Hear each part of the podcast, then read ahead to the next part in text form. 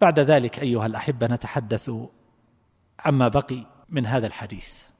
هذا الحديث القدسي يقول النبي صلى الله عليه وسلم فيما يرويه عن ربه في آخره في آخر هذا الحديث. وإن أتاني يمشي أتيته هرولة.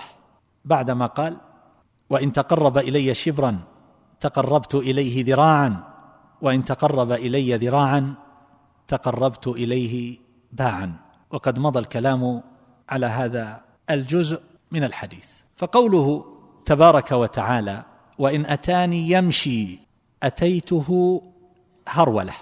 هذا بظاهره فيه إثبات هذه الصفة لله تبارك وتعالى على الوجه الذي يليق بجلاله وعظمته مع تنزيهه عن مماثلة المخلوقين.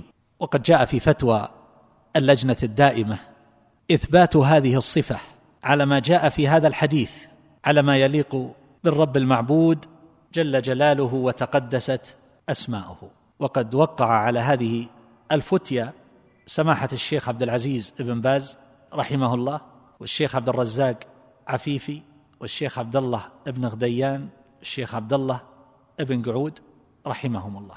وجاء أيضا في فتاوى فضيلة الشيخ محمد الصالح العثيمين رحمه الله إثبات هذه الصفة بناء على هذا الحديث وأنها من الصفات الفعلية وأنه يجب الإيمان بها من غير تكييف ولا تمثيل ولا تعطيل لأن الله أخبر بها عن نفسه وهو أعلم بنفسه فالواجب القبول والإيمان والتسليم. كما أن ذلك أيضا يدل بلازمه يعني هذه الصفة تدل بلازمها هذا الذي ذكره في هذا الحديث يدل بلازمه وما قبله أيضا من قوله إن تقرب إلي شبرا تقربت إليه ذراعا. إن تقرب إلي ذراعا تقربت إليه باعا. كل ذلك يدل أيضا بلازمه فإن الدلالة أنواع مطابقة وتضمن والتزام.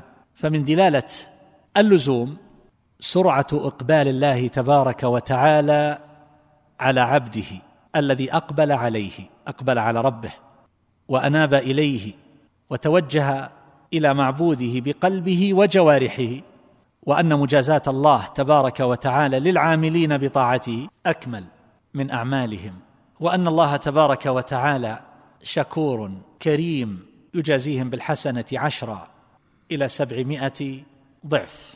فهذا كله يؤخذ من هذا الحديث القدسي الذي يدل على كرم أكرم الأكرمين وأرحم الراحمين.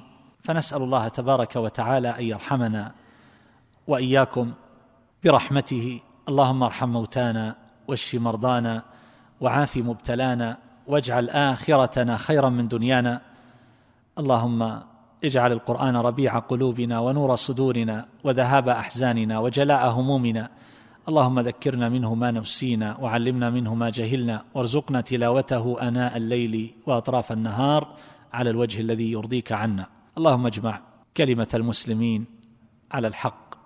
اللهم ول عليهم خيارهم وأبعد عنهم شرارهم. اللهم أطعم جائعهم وأمن خائفهم واكس عاريهم.